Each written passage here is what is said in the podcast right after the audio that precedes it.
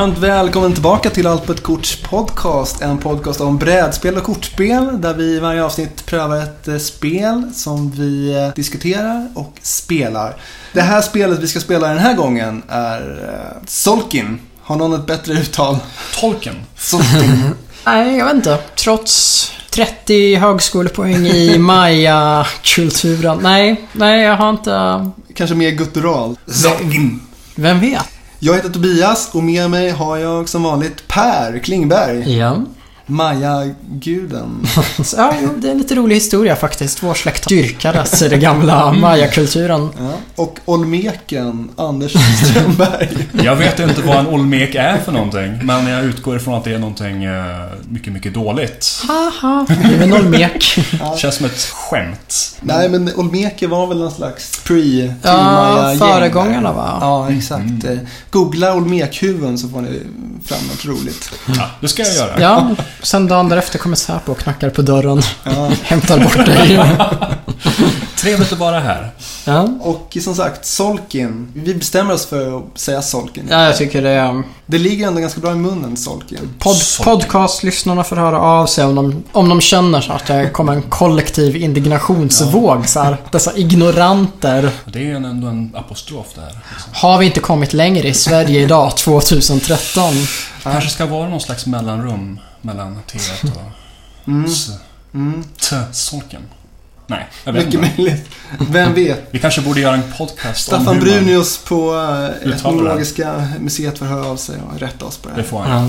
Ja, Solken är i alla fall ett spel som utspelar sig eh, under Maya-erans storhet. Happy Days och majsen flödar och tempel ska byggas. Jajamensan. Vi som spelar här kallas för Ayas. Jag tror på, precis, det är ingen uh, jättenarrativt drivet spel. Ja, vi är olika liksom djungelstammar. Ja, precis. Enkelt, och vi ska- tänker bygga flest tempel liksom och visa Ja. de andra hur det ska göras. Störst, bäst och vackrast. And that's about it. Handlingsmässigt då? Ja, för det här är ju faktiskt ett eurospel som vi faktiskt inte så ofta spelar här i podcasten. Vilket känns roligt och annorlunda. Ja, för att det är ändå... Eurospel ligger ju ändå mig ganska varmt om hjärtat. Jag menar, Mm. om jag inte har helt fel så är både Dominion och Ticket to Ride faller väl in under Mm.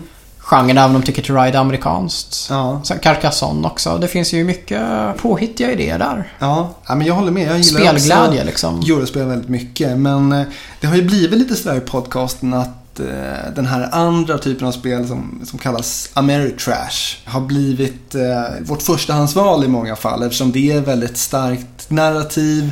Det är lite som små berättelser i sig, vilket passar sig väldigt bra att göra en podcast på. Va- Varför heter det Ameritrash? Bra fråga Andy. Ja? Ja, det är ju en titel som är lite... Den är ju inte helt positiv sådär om man säger. Nej. Ska vi hemskt med är lite Ameritrash. Men eh, det är väl en kärleksfull benämning på Ja. spel som innehåller väldigt mycket konflikt, väldigt mycket slump, väldigt mycket tur. Mycket fantasy science fiction också. Ja, och precis. skräck och liksom de här... Ja, genre, Lite köttiga genrerna, ja. skulle man kanske nästan kunna kalla det. Alla de klassiska amerikanska värderingarna. Ja, jo men precis. Ja. Uncle Sam går ut med en motorsåg och rensar upp bland orcher och zombies liksom. Ja. Jag tror jag såg en traumafilm om det någon gång. Ja, mycket Nej.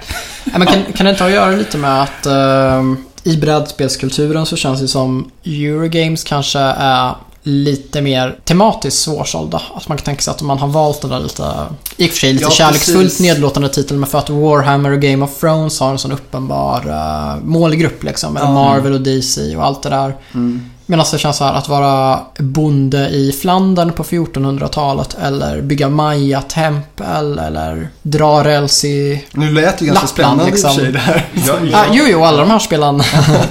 Men, men det kanske ja, är lite jag, mer... jag förstår vad du menar. Det är lite mer svårsålt tänker jag. Att Mm. Det känns som eh, på ett sätt mer familjevänligt och kanske mer uppfinningsrikt. Mm. Eh, och jag blir glad av det. Men Mm. du säljer inte på licensen i sig. Nej, precis. Och ofta är ju också teman i de här spelen ganska påklistrade. De har Mm. egentligen inte så mycket att göra med att bygga upp ett Maya-imperium. Och det är väl där de två genrerna också skiljer sig ganska mycket. Att temat är så otroligt viktigt i Ameritrash. Spelet designas ut efter temat kan man säga. Medan ett Eurospel oftast bygger på en väldigt smart mekanik, ett eh, poängsystem system som ett litet pussel. Mm. Och sen så väljer man ett tema som funkar i princip Jo, men, till det här spelet. jo men precis, jag tänker på det här, det var länge sedan jag spelade det i och för sig, men det här Egyptian-baserade eurospelet Ra. Ra, Om man ja. jämför med Kemet så ser Ja. man ju ganska Ja. Tydligt. Ja, men det är en jättebra liknelse alltså. att, eh, nu kommer jag knappt ihåg hur Ra funkar längre. Ja, men liksom det är väl lite glaspärlor och några anker man flyttar runt. Det är väl budgivningen som är grejen om jag minns Mm. rätt. Och det är roligt, men det känns som, har man verkligen hoppats på faraoner och mumier och skarabéer kanske man inte Ja, det hade ju lika gärna kunnat handla om tulpankrisen i Holland Mm. på 1600-talet eller Mm. om Wall Street. Mm. Medan Kemet verkligen går in för att det handlar om att ta tempel och slåss mot gamla egyptiska monster. Ja. Och ett annat sätt de skiljer sig på det är också att eh, de fokuserar inte alls lika mycket på eh, konflikt som Ameritrash-spel gör. Det finns oftast inte någon direkt så här, "Ah, nu ska vi slåss och rulla tärning om vem som mördar vem i Eurospel. Utan Mm. man har sitt lilla bräde, man samlar poäng och man försöker optimera så bra man kan. Mm. Och sen så finns det ju oftast också olika sätt man kan påverka varandra på. Men det brukar inte vara lika dråpligt som eh, det kan vara i Ameritrash som kanske senast Relic här när vi jagade varandra.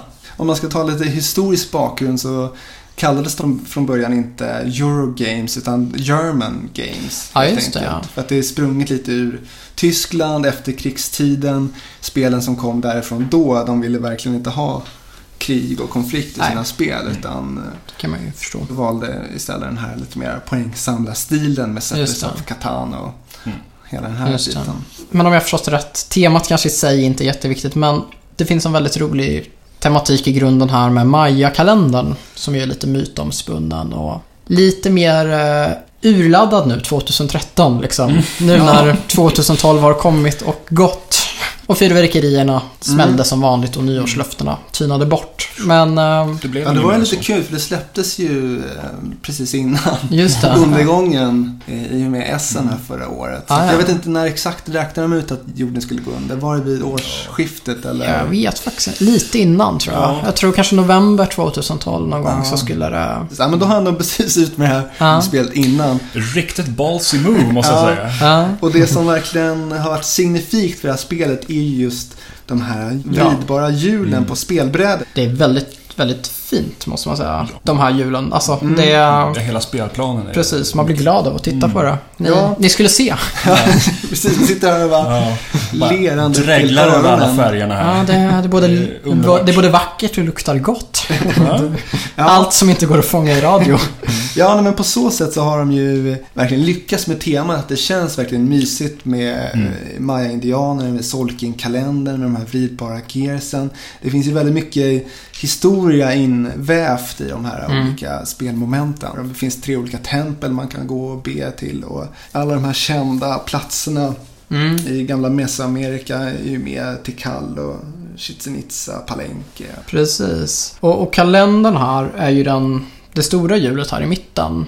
Som de andra hakar in i. Mm. Kan man väl säga. Som Mm. markerar speltidens gång och så småningom också fjärde kalenderperioden avslutar spelet. Ja, det är lite knivigt att förklara men det är liksom fyra hjul som hakar i den här stora kalendern. Som skildrar lite aktivitet kring de olika Maya-templen. Det är alltså fem kugghjul på den här spelplanen, ett stort kugghjul som påverkar de andra och efter varje runda så snurrar man på det här kugghjulet och det gör att ens arbetare som man placerar på de här små kugghjulen förflyttas och Mm. kan göra andra saker. Och det är det som är den stora grejen med spelet helt enkelt. Att skicka ut sina arbetare och se dem utvecklas kunna göra mer avancerade saker.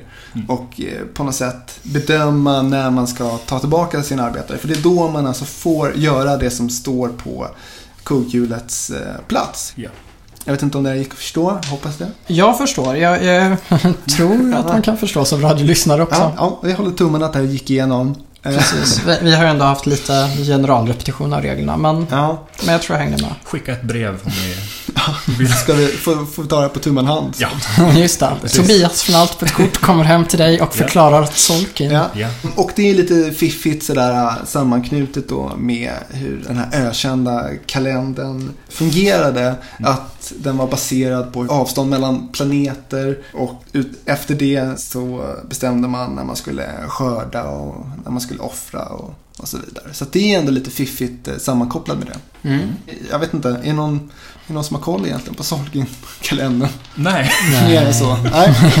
Det enda jag vet är att det var väl väldigt, väldigt konstigt att man... Jag menar, alltså den här fåniga konspirationsteoretiska grejen Ja, de har förstått att världen går under 2012. Mm. Det enda konstiga är väl att de räknade fram till 2012. Mm. Mm. Så här, att det, det är bra att veta från en horisont 1453 kanske. Ja. Eh, Nu vet inte jag riktigt när conquistadorerna kom. Jag vet inte när man slutade räkna, men det känns så här. Det var en overachiever från början som tyckte om att räkna helt enkelt. Mm. På stjärnor och grejer. Ja, nej men vi ska väl eh, börja spela det här. Mm. Har ni Ska- några sista ord där? Det är ett väldigt fint spel alltså. Ja. Det, det är synd att ni inte ser. Jag, Jag, kan tillägga, jag har ju förväntas... faktiskt målat det här lite. Jag har, Ah, ja, jag har okej. pimpat upp det lite. Jaha. Aha, det är därför det glänser så fint. Det är därför det glänser så fint. Jag har gjort det lite eh, sådär medelhavsturkost. Ja. Ah, Ja. Med lite guld och sådär. De är vita egentligen sådär med silhuetter. Aha, Du, du intressant. pratar om plupparna nu? Nej, Julan. Jaha, Julan. okej. Wow, det är, Ja, men då har du verkligen... Ja, så jag Det är en ambitiös- pimpat till det lite för er Mm. grabbar. det är en ambitiös butiksägare här. Ja. Alltså. Ja. Den här servicen kan ni också få. Just det. Jag kommer hem, förklarar reglerna. Och måla. Målar ert Solkin-brädor. Eh, Observera att ni måste köpa Solkin när ni har kom, Ni kan inte backa ur sen liksom. Ja, helst Tobi- två, Tobias. tre Solkin. Ja, precis. Ja, men eh, Solkin, det ska bli spännande att gräva ner sig i lite mesoamerikansk eh, mys. Ja, ja, men jag känner mig eh, förväntansfull. Det här är väl ett av spelen vi har eh, verkligen... Det har kommit upp ganska ofta så här i diskussioner för spel vi ska ta oss an Ja. härnäst. Och det har väl av någon anledning dröjt ganska länge. Så det, nej, det skulle bli väldigt kul att få sätta tänderna i det. Mm. Men vi dunkar väl igång här så gör vi en rapport sen. Det gör vi.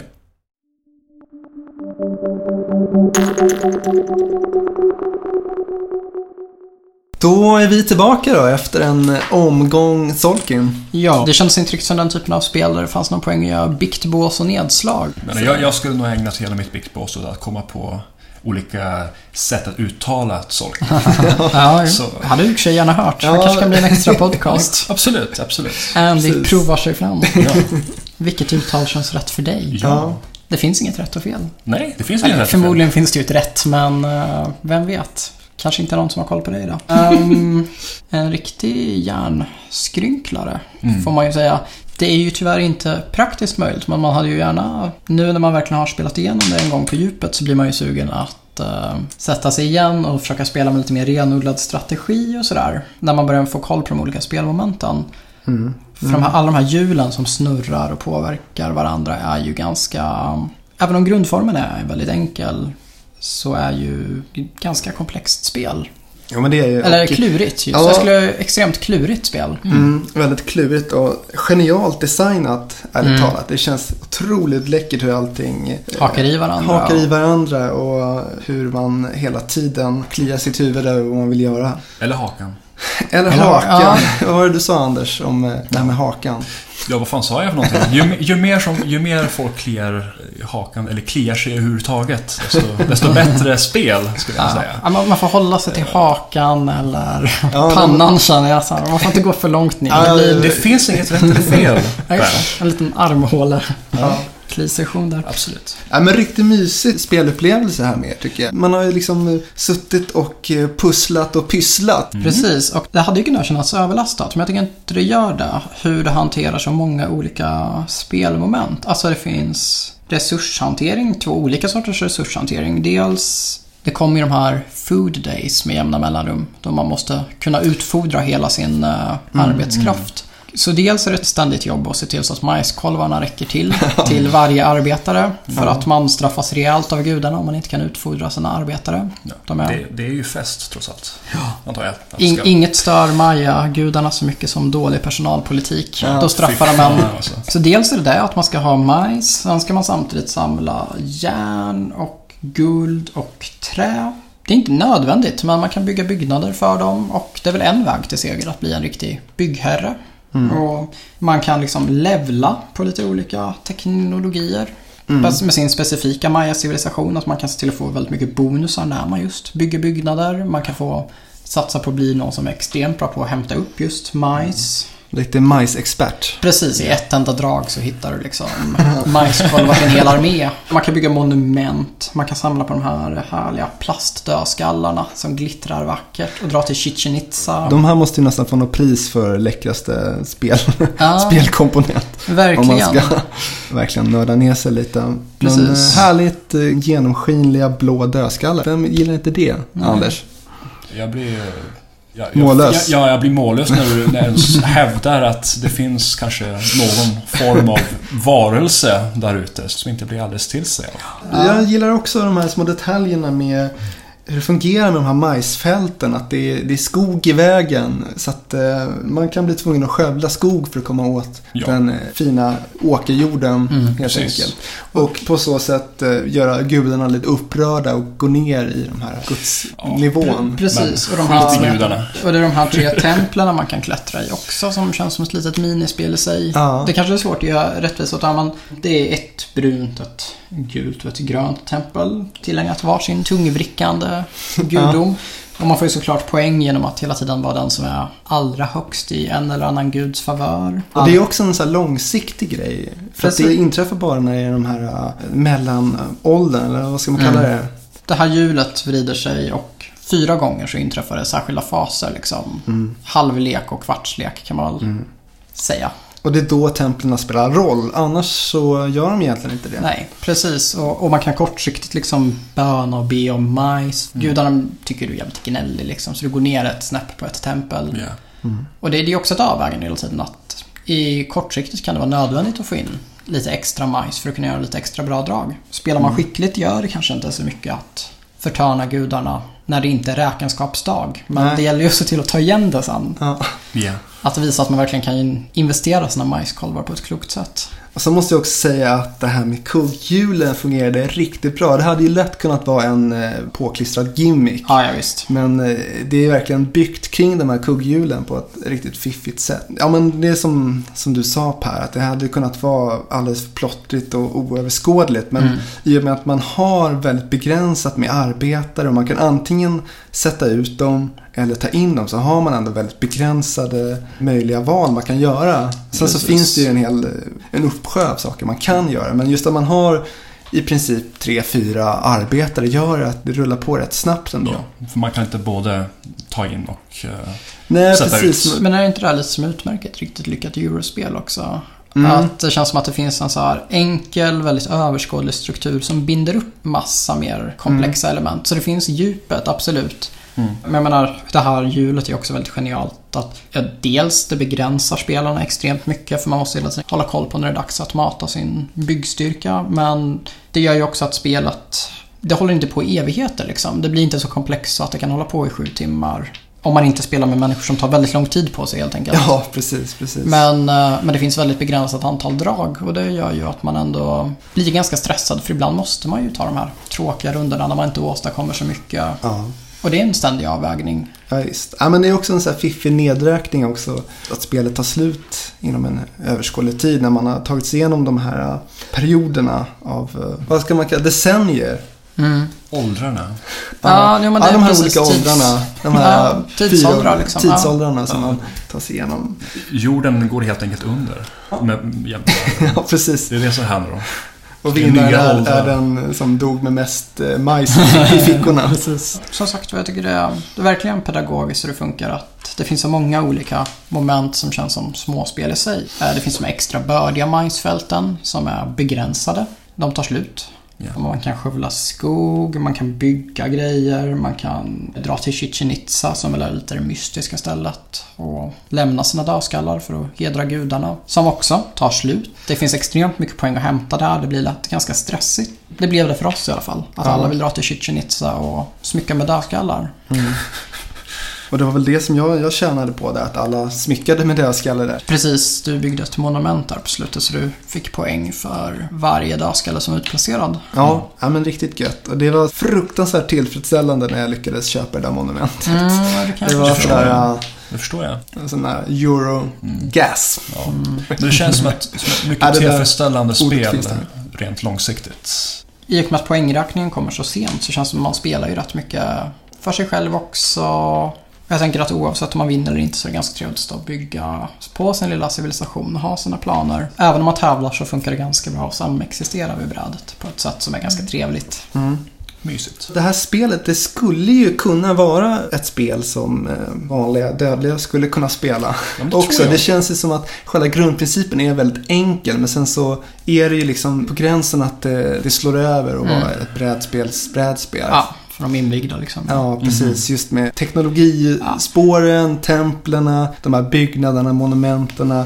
De där grejerna gör att det blir liksom lite mer, eh, vilket vi uppskattar såklart som gillar brädspel, men eh, Jo, precis. Det är nog lite för matigt eftersom man är...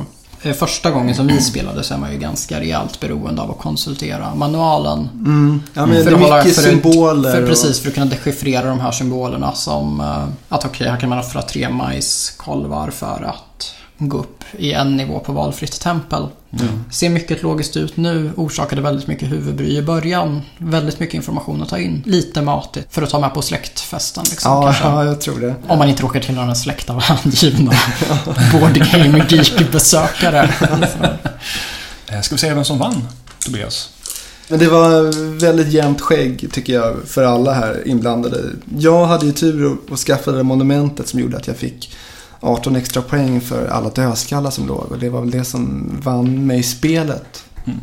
Sådär. Men annars så hade det nog varit ruskigt jämnt tror jag. Mm. Men det är ju sådär, uh, särskilt med ett sånt här djupt uh, taktiskt spel. Att det öppnar sig efter man har spelat en gång. Mm. Man börjar väldigt trevande och, Ja. och vet inte riktigt vad man sysslar med. möjligt, ja. Ja. Jo men precis som jag menar, jag satte ju ut en kille direkt med den här Chichen Itza spåret och det var verkligen en bortkastad arbetare. Fram tills att man faktiskt har några dödskallar att lämna in där. Mm. Ja, för det är ganska tufft att få en dödskalle. Jo men precis. Jag menar jag tror att vid ett andra, tredje speltillfälle tror man har en tydligare strategi. Att man går in för att fan nu ska jag verkligen bygga byggnader. Mm. Då ser man till att levla Mm. på den här byggnadsspåret så att man faktiskt får victory points för varje byggnad man uppför. Man ser till så att byggnader blir billiga. Ja, för det kan man säga att det var väl det som vi kanske minst använde oss av var just den här teknologispåret där. Mm. Precis. För det hade vi såklart eh, tjänat på tror jag om vi hade gått in på det lite mer. Och också köpa byggnader. Kändes som det inte var så mycket vi köpte inte så mycket byggnader eller monument överhuvudtaget. Ja, alltså jag ignorerade ju det både och nästan. Teknologierna, de kostade mer än, än bonusarna som Mm. de, de gav, tyckte Mm. jag. Och eh, byggnaderna, monumenten, nej jag vet inte. Jag ser någon snubbe här där man behöver liksom sex gubbar för att komma upp i liksom 18 eh, vinstpoäng. Liksom. Det, Det är ju tungt å andra sidan alltså. det är väldigt tungt, för det menar, det, de här sex gubbarna kostar ju också mat. Och mat är ju någonting som du kan mycket om kan man säga. Ja, Majskungen. det är ju- Precis, det är ju Bå- hårdare både, verkligen. både, i, både i solken och utanför, jag säga. Ehm, Ja, men du hade ju, var ju helt besatt av majs. Ja. Det här får du prata ut, ut om nästan. Ja, det har helt och hållet att göra med min eh, in real life besatthet av majs. Jag, eh, jag älskar majs i alla det dess är former. gott. Där är det. Jag vet. Ja, men jag, jag förstår det, för att alltså, det är just det här med att man måste mata sina arbetare Mm, precis. hela tiden. Och det blir en riktig stress alltså. Man blir Mm. besatt av att skaffa mat. Mm. Och maten är ju såklart i vägen för allt annat i spelet. Ja. Nej, jag hatar majs. Ja, Faktiskt. Så där. Nej men också en härligt skön känsla av man är ju lite frustrerad hela tiden. Alltså ens handlingar räcker inte till. Det finns alltid fler alternativ än man hinner med. Den Mm. här stresskänslan man kan känna igen från riktigt lyckade spel ofta tycker jag. mm. Att så här, jag tror inte, man vill ju göra allt. Fast skulle man spela ett spel där man fick göra allt så skulle det bli ganska tråkigt. Ja. Ja, jag gillar det här nedtyckningsmekanismen som driver på spelet så tvingar fram beslut. Även fast det är ett eurospel så fick jag lite puls där innan jag skulle göra det där draget liksom. Jag var Mm. lite nervös ifall ni skulle på något sätt knasa till det med att placera ut eh, arbetare eller, Mhm. eller göra något annat djävulskap. Ja, men tycker jag är ytterligare ett bra Ja, men eller hur? Det är ett jävligt bra spel. Ja. Mm.